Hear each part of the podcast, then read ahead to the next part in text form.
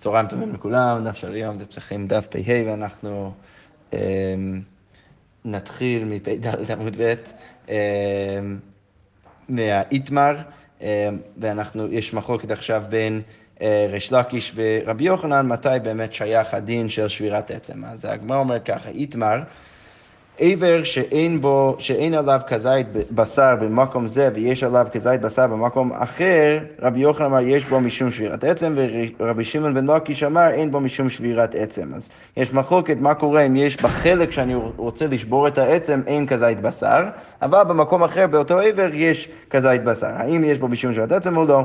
אז רבי יוחנן אומר שכן ויש לקיש אומר שלא. אז כמו אומרת הייתי ורבי יוחנן לרבי שמעון בן לקיש, אז רבי יוחנן בא ומקשה רבי שמעון בן לקיש, כתוב בברייתא ועצם לא תשברו בו, אחד עצם שיש עליו כזית בשר ואחד עצם שאין עליו כזית בשר, אז לכאורה, אה, טוב, אז בואו נראה איך, איך רבי יוחנן מבין את הברייתא כדי להקשות על, על ריש לקיש, כי כתוב שיש שני סוגי עצמות שיש בהם משום שבירת עצם, אחד מהם שיש כזית בשר ואחד מהם שאין כזית בשר.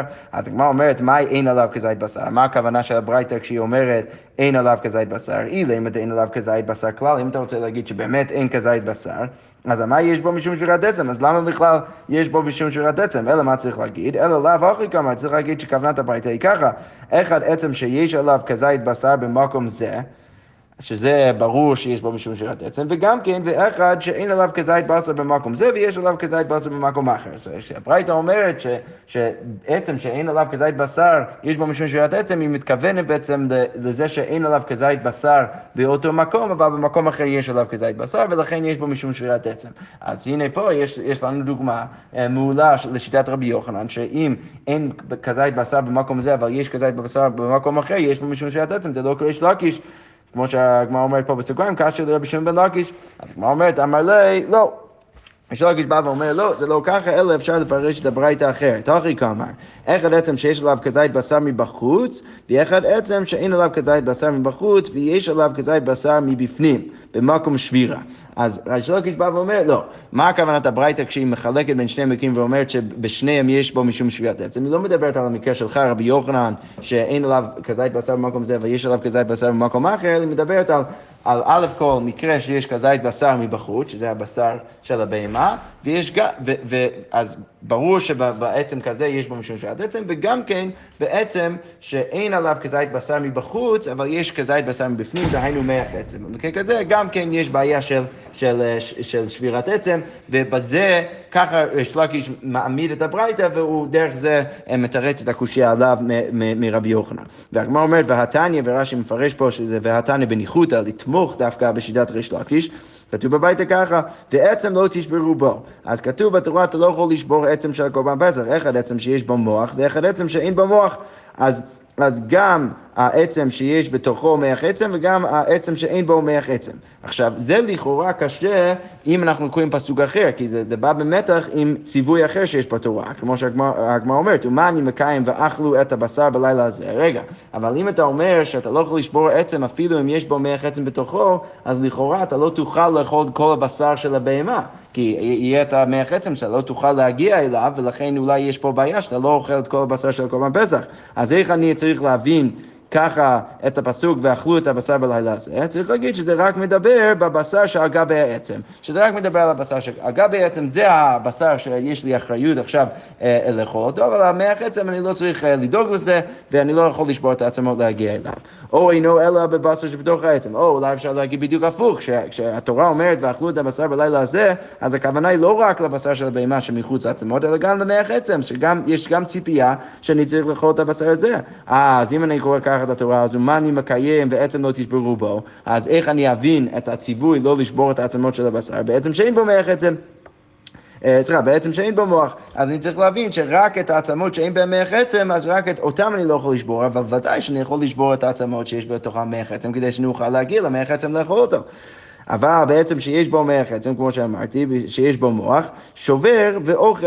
שאתה צריך לשבור את זה ולאכול את הבשר שיש שם, ואל תטמע, ואל תחשוב שזה כל כך גרוע, למה? שהרי יבוא עשה, המצוות עשה לאכול כל בשר, וידחה לא תעשה, וזה דוחה את הלא תעשה של לא לשבור את העצם. אז יוצא מהאופציה הזאת שבדיוק הפוך, שדווקא אה, אה, דווקא עצם שאין בו מח עצם אתה לא אמור לשבור, אבל אם יש בתוכו מח עצם אתה צריך לשבור את זה, כי אתה צריך להגיע לשם לבשר, לאכול אותו.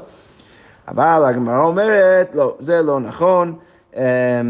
כשהוא אומר ועצם לא ישברו בו בפסח שני, כיוון שכתוב פעם שנית עצם לא תשברו בו בפסח שני, שאין תלמוד לומר שלא היית צריך להגיד את זה, למה? שהרי כבר נאמר ככל חוקת הפסח יעשו אותו, כי הרי כבר כתוב אצל פסח שני שיש את כל הדינים של פסח ראשון, אז למה צריך לכתוב במפורש ועצם לא ישברו? הווי אומר איך עצם שיש בו מוח ואיך עצם שאין בו מוח. זה מלמד אותי שגם עצם שיש בו מוח וגם עצם שאין בו מוח, אז יש בו משום, אה, אה, משום שבירת עצם, ואז יוצא שריש לקיש יכול להגיד שהברייתא שאומרת ש, שיש שני סוגי עצמות שבהם שייך הדין של שבירת עצם, אחד מהם זה כזית בשר מבחוץ ואחד מהם זה כזית בשר מבפנים. אוקיי, שוב, הגמרא אומרת, מי טבעי, עבר שיצא מקצתו חוץ, אה, אה, אה, שיצא מקצתו, אז אם יש, כפי שנראה במשנה בעמוד ב', אם יש איבר שחלק ממנו, המיעוט של האיבר יוצא מחוץ לירושלים, שזה אז פוסל את החלק הזה, אז מה צריך לעשות? אז, אז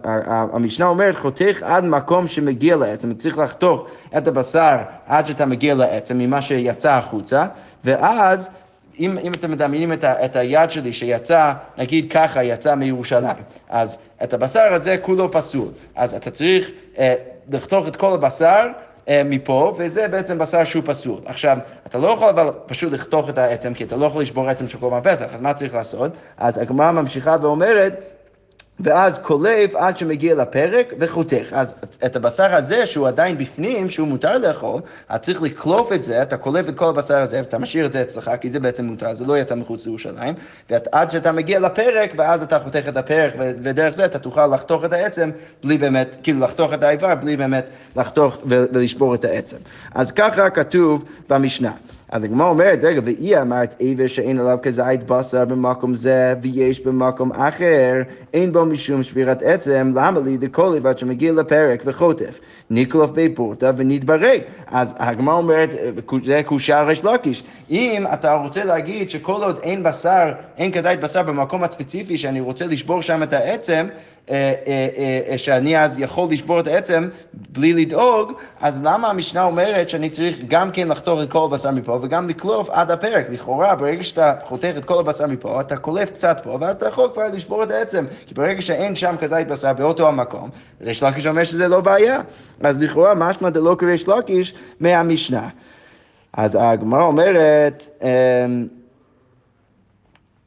סליחה, איבדתי את המקום, נקלופי פורטה ונתברא. פה פשוט תקלוף קצת ותשבור את זה. אז הגמרא אומרת, אביי אמר משום פקה. אז אביי אומר, לא, אם אתה שובר את העצם, יכול להיות שאתה תבוא אז לשבור חלק אחר של העצם, ואז זה בעייתי, ולכן אנחנו אומרים שאתה צריך לקלוף עד הפרק, אבל אין הכי נמי מדאורייתא היית יכול לעשות את זה, אבל יש איזושהי גזירה שאולי אתה תבוא לשבור חלק אחר מהעצם. רבינו אמר בקולית, מדובר דווקא על הקולית, אמ, ש... ש... ורש"י אומר, בגלל שיש שם מח עצם בתוכו, אז גם ריש לקיש יסכים שאתה לא יכול לשבור את העצם שם, ולכן אה, אין פתרון אחרת, אלא אם כן אתה אה, קולף עד שאתה מגיע לפרק.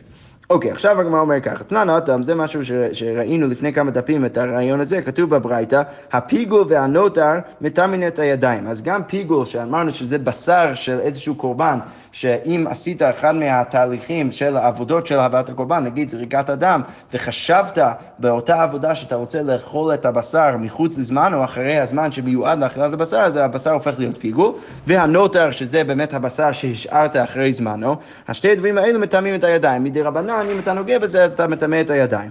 אז הגמרא אומרת, אז הסיבה היא למה באמת עשו את זה. אז הגמרא אומרת ככה, רב הונא ורב חיסדא אחד אמר בני חשדי כהונה, אז אחד מהם אומר, הסיבה היא משום שהכוהנים חשודים לפגר את הקורבנות. אם יש איזה בן אדם שמגיע שהכהן לא אוהב אותו, אז הוא פשוט יעשה איזה, איזשהו, הוא, הוא, הוא, יהיה לו איזושהי מחשבה של פיגור כשהוא מביא את הקורבן שלו, ודרך זה הוא יפגר את, ה, את, ה, את הקורבן שלו ויהפוך את זה להיות פיגול, ואז הביילים לא יוכלו לאכול את ה...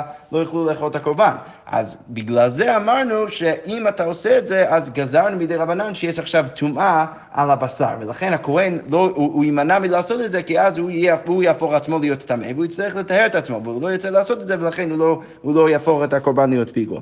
אז זה אופציה אחת, ואחד אמר מפני עצלי כהונה, שרש"י מסביר, עצלי כהונה זה שהכהנים, כשהם צריכים לאכול את הבשר, נגיד של קורבן חטאת או משהו, אז הם, הם עצלנים והם לא אוכלים את זה בזמנו, אז בגלל זה החכמים גזרו טומאה בנותר, כדי שהכהנים יבינו שצריך לאכול ממש את הבשר אה, בתוך זמנם.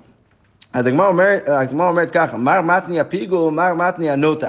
איך שהסברתי את זה נכון, גם איך שרש"י מסביר את זה, אז יוצא בעצם שהסיבה של, של חשד זה שייך יותר בפיגול, והסיבה של, של עצלנות שייך יותר בנותר.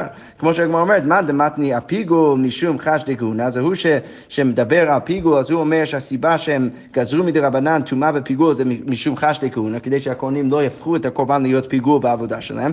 ומה דמתני הנותר משום עצלי כהונה, והוא ש, שמדבר על נותר, אז הוא בא ואומר שהסיבה שהם גזרו מדי רבנן טומאה בנותר זה משום העצלנות של הכהנים.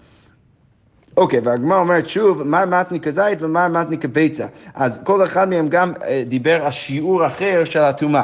אה, כמה, כמה גדול צריך להיות הבשר שאתה נוגע בו, כדי שאז אתה תקבל את הטומאה הזו מדרבנן. אז אחד מהם אומר שזה צריך להיות כזית, שזה יותר קטן, ואחד אומר לא, זה צריך להיות כביצה, שזה כמות יותר גדול. אז הגמרא אומרת, מה דמתני כזית כי איסורו? אז הוא שסובר שיש טומאה מדרבנן אפילו בכזית, אז זה בעצם מקביל לכמה, להשיעור, שאז זה הופך להיות באמת אסור מדאורייתא לאכול את זה, והשיעור הזה הוא, הוא כזית. ברגע שאתה אוכל כזית פיגול או, או כזית נותר, אז אתה עובר מדאורייתא על האיסור הזה, ולכן כמו כן, הטומאה מדרבנן מגיע רק בכזית.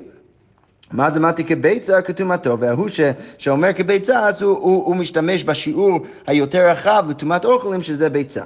אוקיי, אז הגמרא אומרת, סבבה, אז ראינו שגזרנו טומאה מדי רבנן על פיגול ועל נותר, ועכשיו הגמרא שואל ככה, איבאילו יוצא גזרו רבנן טומאה או לא? אז בשר שיוצא מחוץ לירושלים, שאנחנו יודעים שהבשר הזה גם, הוא, הוא נהיה פסול, אז עכשיו השאלה, כמו שגזרנו בנותר ופיגול, שטומאה מדי רבנן, האם גזרנו גם בבשר שיוצא מחוץ לירושלים או לא? כמו שהגמרא אומרת, מי אמרינא נותר דגזרו טומאה דעתי ליצולי בי, אז אולי אנחנו גזרנו רק בנותר בגלל שבאמת באמת יש עצלנות בכהנים שאולי הם לא יאכלו את הבשר בזמן, ולכן גזרנו, אה, אה, גזרנו טומאה מדי רבנן בנותר, אבל יוצא אפוקי בידיים לא מפגילה בידיים. לא גזרו בי, אבל ביוצא, אז צריך ממש בן אדם עכשיו לבוא אקטיבית ולהוציא את הבשר מחוץ לירושלים, בזה אנחנו לא גוזרים, ולכן לא צריך להגיד שיש טומאה מדי רבנן ביוצא. או, אה, סליחה, לא גזרו ברבנן טומאה, או דילמה לא שנה, או אולי זה אותו דבר. אז הגמרא אומרת, תשמע, בוא נביא ראייה. כתוב במשנה הבאה, בעמוד ב', עבר שיצא מקצתו חותך עד שמגיע לעצם, וקולב עד שמגיע לפרק וחותך, כמו שאמרנו. אז הגמרא אומרת, והיא אמרת, גזרו רבנן טומאה, כי חתיך לי מי הקא מטמיה לי טומאה, מטמיה לי. אז הגמרא אומרת, הגמרא אומרת, רגע, אפשר להביא ראייה מהמשנה שלנו. מה כתוב במשנה? שכמו שאמרתי, אם היד שלי, חצי מהיד שלי יוצא מחוץ לירושלים, אז אתה חותך את כל הבשר הזה, הבשר הזה הוא בעצם, אה, הוא בעצם עכשיו פסול. עכשיו, הבשר הזה אבל, שהוא עדיין בתוך העבר הזה, שמקצתו יצא החוצה, הוא עדיין אכיל, אתה יכול לאכול זה, לא פסול. אז מה כתוב? אתה צריך לקלוף את כל הבשר הזה ולשים את זה אצלך כדי שאתה תוכל לאכול את זה. לאכול את זה. אבל הגמרא אומרת, רגע, אבל אם אתה אומר שיש גזירה מדי רבנן בטומאה, על העבר שיוצא מחוץ למקומו, אז יוצא שגם הבשר הזה הוא לא אכיל. למה? כי הוא, הוא נגע בעצם, והעצם יצא מחוץ לירושלים, ולכן הוא טימא את הבשר שם. אז לכאורה משמע מזה ש, שהבשר אמור להיות טמא. אז, אז למה המשנה דורשת ממני לקלוף את הבשר הזה ולהשאיר את זה אצלי כדי שאני אוכל לאכול את זה? הרי זה נטמע, ואנחנו יודעים שכשקורבן פסח נטמע, אז זה באמת, זה באמת אסור לאכול. אז הגמרא אומרת, אה, אה, סליחה, דיברתי את המקום, עד שמגיע לפרק וחותך, ואי, כמו שהגמרא אומרת, ואי אמר גזרו רבנן טומאה, אז אם אתה רוצה להגיד שגזרו רבנן טומאה בבשר שיוצא מחוץ למקומו, כי חתיק ליה מי אבי, אז למה זה עוזר לחתוך את הבשר הזה?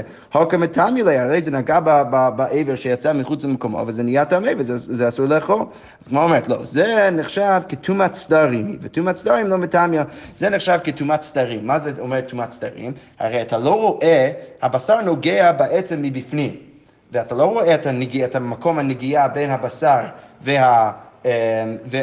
והעצם, ולכן בגלל שאתה לא, לא רואה את זה, אז זה באמת לא מטמא. כל עוד אתה לא רואה את הנגיעה הזאת, אז אתה לא, אתה לא מייחס לזה משמעות של טומאה, ולכן הבשר באמת לא נהיה טמא, ולכן כן יש משמעות לבשר הזה לחתוך את זה, כי זה עדיין יהיה אכיל, כי זה לא באמת קיבל טומאה. למרות שאפשר להגיד שאנחנו עדיין כן גוזרים טומאה מדי רבנן. אה, אה, בדבר שיוצא מחוץ למקומו. אבל הגמרא אומרת, רגע, לרבינה דאמר חיבורי אוכלין לאו חיבור הוא, אבל לרבינה שסובר שהנגיעה בין אוכל לאוכל זה לא חיבור, כמעט דמפרטי דמי, אלא זה פשוט שני אוכלים שמגיעים ביחד, ולכן, רש"י מסביר, לכן זה יוצא שהוא יגיד שטומאת בית הסתרים זה כן מטמא, אז מה יקרה למימר? אז איך תסביר את זה? לכאורה, אם אתה רוצה להגיד שיש טומאה אה, על בשר שיוצא חוץ למקומו, לכאורה אין סיבה לחתוך את הבשר הזה, כי זה לא אכיל, כי הרי זה קיבל טומאה מהעצם. אז הגמרא אומרת, כמו שהגמרא אומרת, הקא נגה בהדדי, הרי שני הדברים האלו נוגעים, וכמה טעמי, וזה הופך להיות טמא, אז למה אתה חותך את זה לאכול? אז הגמרא אומרת, אלא מה צריך להגיד? למה דמדתי כזית, אלי בי כזית, להוא שסובר שצריך כזית לפחות כדי שנגזור הטומאה הזאת מדי רבנן, אז מדובר במקרה שיש פחות מכזית. ומה דמתי כביצה דלי בי כביצה, והוא שסובר שצריך כביצה, אז יש פש... פש... מדובר על מקרה שפשוט יש פחות מכביצה, ולכן זה לא באמת מקבל את הטומאה הזאת, ולכן אין בעיה. אוקיי. תשמע עוד ראייה, הגמרא אומרת ככה, מוציא בשר פסח מחבורה לחבורה, בן אדם שמוציא את, הבשר פסח שלו מחבורה לחבורה, אז אף על פי שהוא בלא תעשה, למרות שהוא לא אמור לעשות זה, בכל זאת זה טהור. אז הגמרא אומרת, מה אליו טהור ואסור? יוצא מחבורה לחבורה כיוצא מחוץ למחיצתו דמי ומפסיל, אז לכאורה משמע מזה, מה אנחנו צריכים להבין? אז אתה עובר לא תעשה כשאתה מביא בשר מחבורה לחבורה, כי כל חבורה אמורה לאכול בפני עצמה, ואז כתוב מה הדין, ש... זה אה, למרות שאתה עובר ב, בלא תעשה, בכל זאת זה טהור. אז הגמרא רוצה, רוצה להגיד, מה זה אומר שזה טהור? זה טהור, אבל זה עדיין אסור, כי להוציא מחבורה לחבורה זה כמו להוציא מחוץ למחיצתו, מחוץ לירושלים, ולכן זה נפסל. ואפילו הכי, הגמרא אומרת, קטני טהור, בכל זאת זה נחשב כטהור. אז מה, על מה זה מעיד? אמה לא גזר רבנא טומאה. אז לכאורה החכמים, משמע מזה שהחכמים לא גזרו טומאה על משהו שיוצא מחוץ למקומו. אז הגמרא אומרת לא, לא, טהור ומותר, מה הכוונה שאמרנו שזה טהור? זה טהור וזה מותר, למה יוצא מחבורה לחבורה, דווקא יוצא מחוץ למחיצתו דמי ולא מפסיל, כי להוציא בשר מחבורה לחבורה זה לא כאילו אתה מוציא את זה מחוץ למקומו, ולכן זה עדיין מותר. ולכן זה הגיוני שזה טהור. הגמרא אומרת, רגע, והקטני ספר, הרי כתוב בספר של אותו הברייתא, האוכלו הרי זה בלא תעשה, בן אדם שאוכל את הבשר הזה הוא עובר בלא תעשה. אז הגמרא אומרת, בשלמה למען דאמר כביצה, זה הגיוני למישהו שחושב שיש את הטומאה הזאת מדי רבנן רק כביצה. למה? כי אז מה יוצא? דאית בי כזית ולית בי כביצה. אתה יכול להאמין את המקרה במקרה שיש בו כזית, ולכן אם אתה אוכל את זה אתה עובר בלא תעשה. אה, אם אתה אוכל בשר שהוצאת מחבורה לחבורה, אבל מצד שני אין טומאה, זה עדיין טהור, כי אין, אין מספיק שיעור בבשר הזה כדי באמת להיות טמא מדי רבנן. אבל אלא למען דאמר כזית מה יגאל למימה, אבל הוא שחושב ש, שהשיעור של הטומאה מדי רבנן זה, זה גם בכזית, אז יוצא שברגע שיש כזית, שאתה עובר עליו באיסורו, אם אתה אוכל את זה, אז יוצא שזה אמור להיות גם טמא, אבל, אבל כתוב בברית שזה טהור, אז לכאורה קשה. אז הגמרא אומרת, אלא ביוצא בפסח לא מביילן. אה, אין הכי נמי. באמת, פסח שיוצא מחוץ למקומו, זה ברור לנו שאנחנו לא גוזרים טומאה אה, בדבר הזה. למה? דלא גזרו רבנן טומאה, מהייתיים בני חבורה זריזין הן, ומזרי זהירי בי, כי אנשים בדרך כלל בני החבורה הם זהירים לא, לא להוציא את הפסח מחוץ למקומו, ולכן לא גזרו טומאה מדי רבנן בבשר הזה. הסיבה היחידה באמת לגזור טומאה מדי רבנן זה רק אם אנחנו מניחים שאנשים לא ייזהרו בזה ויוציא את הבשר מחוץ למקומם. אבל בקורבן פסח, כיוון שאנשים זהירים, אז אנחנו לא חוששים בזה. אלא כי כמי השאלה שלנו זה לא בזה, אלא ביוצא בקודשים. בקורבן אחר, האם יש טומאה מדי רבנן? מה הגמרא אומרת? תיקו. אוקיי.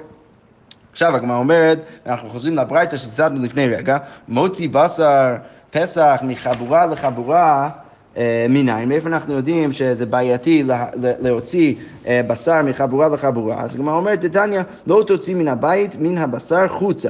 אז אתה לא אמור להוציא את, ה, את, ה, את הבשר של הקורבן פסח שלך מהבית, מן הבשר חוצה. אז הגמרא אומרת, אין לי אלא מבית לבית, מחבורה לחבורה מניין, אז, אז מפה מפורש אתה לא אמור להוציא את זה מהבית. מאיפה אני, אני יודע שאתה גם לא אמור להוציא את זה מחבורה לחבורה? מה קורה אם יש שני חבורות בבית אחד? אז מאיפה אני יודע שאני לא אמור להוציא בשר מחבורה לחבורה? אז הגמרא אומרת, תלמוד לומר חוצה, חוץ לאכילתו. אתה לא אמור להוציא את זה מחוץ לאנשים שאוכלים את זה, ולכן משמע מזה שאתה לא אמור אפילו להביא את זה לחבורה אחרת. אוקיי, הגמרא אומרת, אמר רבי עמי, המוציא בשר פסח מחברה לחבורה, אינו חייב עד שיניח. אז בן אדם שמוציא בשר פסח מחברה לחבורה, אז הוא רק חייב אם הוא ממש מניח את הבשר אה, במקום החבורה השנייה. אז למה, למה רבי עמי אומר את זה? כי הוצאה כתיב ב, כי מדובר על בן אדם שמוציא מחבורה לחבורה. אז מה, על מה זה מעיד? אז, אז, אה, אז הגמרא אומרת, כמו שבת, זה, זה, זה, זה, זה שכתוב הוצאה, אצל הוצאת בשר מחברה לחברה, זה בעצם מדמה את האיסור הזה להוצאה בשבת מרשות לרשות. כמו שהגמרא אומרת, מה שבת עד עבוד אקירא והנחה? כמו בשבת, אם אתה מוציא חפץ מרשות לרשות, אתה מתחייב רק אם אתה עוקר, נגיד, חפץ מרשות היחיד, ואז אתה מניח את זה ברשות הרבים, אבל כל עוד אתה לא מניח את זה, אתה לא עובר אה, לפחות על איסור דאורייתא. אז, אז כמו פה, אף הכי נמי, עד עבוד אקירא והנחה, רק כשאתה עושה גם כן אקירא וגם הנחה, אז אתה עובר על האיסור הזה, אבל לפני זה לא. לא, לא, לא. כן? אה. לא, יש גם... יש גם טלטול, בשבת יש גם טלטול, אם, אם נגיד אתה ברשות הרבים, אתה לא אמור לטלטל חפץ דל אמות ברשות הרבים, אבל יש גם איסור בשבת, אם אתה נמצא ברשות היחיד, נגיד בבית, ומחוץ לבית יש רשות הרבים, אז אתה לא יכול להוציא חפץ מהבית שלך לרשות הרבים. זה נחשב הוצאה מרשות לרשות. לא לא. לא- כן, אבל אומרים, כאילו, מה, ההגבלה היא פה ש, שכמו בשבת, רק אם אתה גם כן עוקר את החפץ מהבית שלך ומניח את זה ברשות הרבים, רק אז אתה עובר על האיסור דאורייתא. אבל אם אתה לא מניח את זה ואתה סתם מוציא חפץ מרשות, מהבית שלך לרשות הרבים ואתה הולך כל, עד סוף השבת ואתה לא מניח את זה בצורה מסוימת, אז אתה לא עובר על האיסור. אז כמו כן פה, אם אתה מוציא את הבשר מחבורה לחברה, כל עוד אתה לא מניח את זה, אתה לא עברת על האיסור. אוקיי, אז הגמרא אומרת, רבי מתי רבי עמי, רבי אבא בר ממה, אז בא רבי אבא בר ממה ו- ומקשה על הדבר הזה. היו סובלים אותם במוטות הראשונים, אה, במוטות, הראשונים יצאו חוץ לחומת העזרה, והאחרונים לא יצאו. הראשונים מטעמים בגדים, והאחרונים אין מטעמים בגדים. אז פה מדובר, לא ניכנס לכל הסוגיה, מדובר על, על הקורבנות של, של יום הכיפורים שהיו צריכים להוציא אותם מחוץ לבית המקדש ואז לשרוף אותם מחוץ לבית המקדש, וכתוב שם שברגע שזה יוצא מאיזשהו גבול מסוים מחומת האזהרה, אז זה מטמא בגדים. כתוב פה שהיו סובלים אותם במוטות, היו, הקורבנות היו תלויים, ובכל זאת ברגע שהם יצאו, כתוב פה שהראשונים שיצאו חוץ לחומת האזהרה, זה כבר מטמא את הבגדים. אז לכאורה משמע מזה, שאפילו אם זה לא נח, זה עדיין נחשב כהוצאה. ברגע שאתה מציא את זה מחוץ לאזהרה, למרות שזה עדיין לא נח ולא הנחת את זה, וזה תלוי, בכל זאת זה מטמא, וזה נחשב כהוצאה. כמו שהגמרא אומרת, והלא נח. והלא נחו, הרי זה לא נח. אז הגמרא אומרת, אה, לא, בעצם לא קראתי את זה נכון, והלא נח, זה לא נח, אז הגמרא אומרת, הוא מוטיב לה והוא מפרק לה, אז הוא גם מקשה, רבי עמא בר ממל, אה, והוא גם מפרק את זה, הוא גם אה, מביא את התירוץ. וניגרים, מדובר על בשר שניגר ולכן זה נחשב כמונח, וברגע שזה נחשב כמונח, אז, אה, אז אנחנו מבינים שאז זה נחשב כהוצאה. אוקיי, עכשיו אנחנו נמשיך למשנה הבאה, המשנה אומרת ככה, משנה שציטטנו כבר בעמוד א', עבר שיצא מקצתו, חוט, אה, מקצתו, מה צריך לעשות? חותך עד שמגיע לעצם, אתה חותך עד שאתה מגיע לעצם מהבשר שיצא, והבשר הזה הוא פסול, ואז קולף עד שמגיע לפרק, אתה קולף מהבשר שעוד מותר עד שאתה מגיע לפרק, ואז אתה חותך. אה, ואת זה, זה, זה בסדר גמור, כי אז יוצא שאתה לא, באמת, לא בעצם שובר עצם. ובמוקדשין, אבל בקורבן שאין בו משום שירת עצם, אז אה, קוציץ וקופיץ שאין בו משום שירת עצם. אתה יכול פשוט לחתוך את זה, ואתה לא צריך לדאוג לכל התהליך הזה. אוקיי, עכשיו, מה נחשב כמחוץ לירושלים או לא? אז המשנה אומרת, מן האגף ולפנים, אם, אם מדובר על איזשהו דלת, איזשהו שער שיש בו דלת, אז מן האגף ולפנים כלפנים. אז מהגבול של הדלת הזה ולפנים, זה נחשב כלפנים, ומן האגף, מן האגף ולחוץ כלחוץ. אנחנו נקשה בגמרא, זה לכאורה לא ברור אז מה יוצא בעובי של הדלת עצמו. והחלונות ועובי החומה כלפנים, כל זה נחשב כבתוך ירושלים. אוקיי, אז הגמרא אומרת, אמר רב יהודה אמר רב, וכן לתפילה. אז הדין שציטטנו עכשיו במשנה, שמן האגף לפנים נחשב כלפנים, אז הדין אותו דבר בתפילה. אם בן אדם עומד בשער, בעובי של השער, אז הוא נחשב בתוך הבית כנסת לצרף אותו למניין. אוקיי, אבל הגמרא אומרת, וזה, אבל, אבל ברגע שהוא יוצא מחוץ לשער הזה, אז הוא נחשב כבחוץ, הוא לא יכול להצטרף. אז הגמרא אומרת, לא, הוא פליגה דרבי יהושע בן לוי, והאמירה הזאת של רב, שאומר שברגע שהוא מחוץ לדלת, אז הוא נחשב כמחוץ, הוא לא יכול להצטרף למניין, זה חולק על רבי יהושע בן לוי, דרבי יהושע בן לוי, אפילו מחיצה של ברזל מפסקת בין ישראל לאבים שבשמיים. שלכאורה, פשט האמירה זה באמת... למטה למעלה, שאין אפילו, אה, אה, אפילו כאילו גג של ברזל לא יכול להפריד בין ישראל לאוויר של השמיים, הקדוש ברוך הוא תמיד שומע את התפילות, אבל פה מבינים את זה בצורה יותר אופקי, שאפילו בן אדם שקצת מחוץ לדלת עדיין יכול להיחשב כחלק מהמניין ולהצטרף, זה לא כרב שאומר שברגע שהוא יוצא מחוץ לדלת אז הוא כבר לא מצטרף אה, למניין. אוקיי, ועכשיו המשנה עצמה, אז הגמרא אומר ככה, הגוף הקשה לכאורה, אתה יכול לדייק קושייה משני החלקים של המשנה. כי מצד אחד כתוב במשנה, אמרת מן האגף ולפנים כלפנים, שמהעובי של הדלת ולפנים זה נחשב כלפנים, אז מה, זה, אז מה אתה יכול לדייק מזה? האגף עצמו כלחוץ, אז זה משמע שהעובי של הדלת עצמו הוא נחשב כמבחוץ. אבל אם הסיפה, אבל אתה יכול לדייק בדיוק הפוך מהסיפה, מן האגף לחוץ כלחוץ, אז רק מחוץ לדלת זה נחשב כלחוץ, האגף עצמו כלפנים, אז אתה יכול לדייק מזה שהעובי נחשב כלפנים. אז היא אומרת, לא קשיא, כאן בשערי הזוהר, כאן בשערי ירושלים. אה, בעצם מדובר על שני שערים שונים. בשערי ירושלים אה, אה, אנחנו אומרים שהעובי עצמו נחשב כמחוץ לירושלים, ובשערי האזהרה אנחנו אומרים שהעובי של, של השער נחשב כבתוך האזהרה. כמו שהגמרא אומרת, דאמר רבי שמואל בר יצחק, בר רב יצחק, מפני מה לא נתקדשו שערי ירושלים? למה אנחנו לא מניחים שהעובי של השער עצמו של ירושלים נחשב כקדוש? מפני שמצורעים מגינים תחתיהם בכמה ובני החם ומגשם ובני הגשם. כי, אנחנו יודעים שאנשים שמצורעים, יש להם צרת, הם צריכים להיות מחוץ לירושלים. בכל זאת, אם יש שמש מאוד חזק או יש גשם, אז הם, הם, הם נכנסים מתחת לשערים האלו, ומכאן אנחנו רואים שהשערים האלו באמת לא נחשבים כירושלים, ואין להם את הקדושה של ירושלים. אז זה מעיד שהשערים האלו הם נחשבים כבחוץ, אה, והעובי של השערים באזהרה, מאיפה אנחנו יודעים שזה נחשב כבתוך האזהרה, כמו שהגמרא אומרת, ואמר רבי שמואל, בר רב יצחק, מפני מה לא נתקד שהשער ניקנור, מאיפה אנחנו יודעים שהשער ניקנור, שזה שער מסוים, אה, אה, בכניסה לעזרה לא נחשב כקדוש, מפני שמצורעים עומדים שם ומכניסים בהונות ידם. שהמצורעים, כשהם רוצים לטהר את עצמם, אז, אז הם עומדים שם ומכניסים את היד שלהם כדי להיטהר. זה חלק מהתהליך הטהרה של המצורע. אבל על מה זה מעיד? שזה דווקא שער ניקנור שאנחנו אומרים שהוא לא קדוש, אבל כל שאר השערים שנכנסים לעזרה, העובי של השער גם כן נחשב כבתוך העזרה, ולכן זה נחשב כטהור. אה, אוקיי, נעשה עוד כמה שורות. אמרנו במשנה שהחלונות ועובי החומה נחשבים כבתוך ירושלים, אז הגמרא אומר ככה, אמר רב, גגין ועליות לא נתקדשו, אז הגגין והעליות של ירושלים לא נחשבים כקדושים, אתה לא יכול לאכול שם את הקורבן פסח. אבל הגמרא אומרת, הנה, האם זה באמת נכון? ואמר רב, משום רבי חייא, שרב אומר משום רבי חייא כזיתא פיסחא, אז יש שני מקרים שאנחנו רואים שרב יגיד שזה הפך להיות אה, מסיבה, מסיבה מטורפת שבאמת שובר את, הגגים, את הגגות בירושלים. מקרה אחד, כזיתא פיסחא, פיסחא, שהיו אה, אה, בעצם מחלקים את הכבש, את הקורבן פסח, כזית ממש לכל בן אדם ובן אדם. אז היו איזה מאה אנשים שאוכלים קורבן פסח ביד, אה, ביחד, אז זה מקרה אחד. והלילה וגם ההלל שהיו שרים אחרי שהיו מביאים את הקורבן פסח, השני הדברים האלו פקה איגרא, זה היה כאילו שובר את כל הגגות של ירושלים. אז הגמרא אומרת, my love, דאך לי באיגרא ועם באיגרא, אז לכאורה משמע שרב מדבר על מקרה שהם אכלו בגג, וגם כן אמרו הלל בגג, אז לכאורה משמע שהגג כן קדוש, כן אפשר לאכול את הקורבן פסח בגגות בירושלים.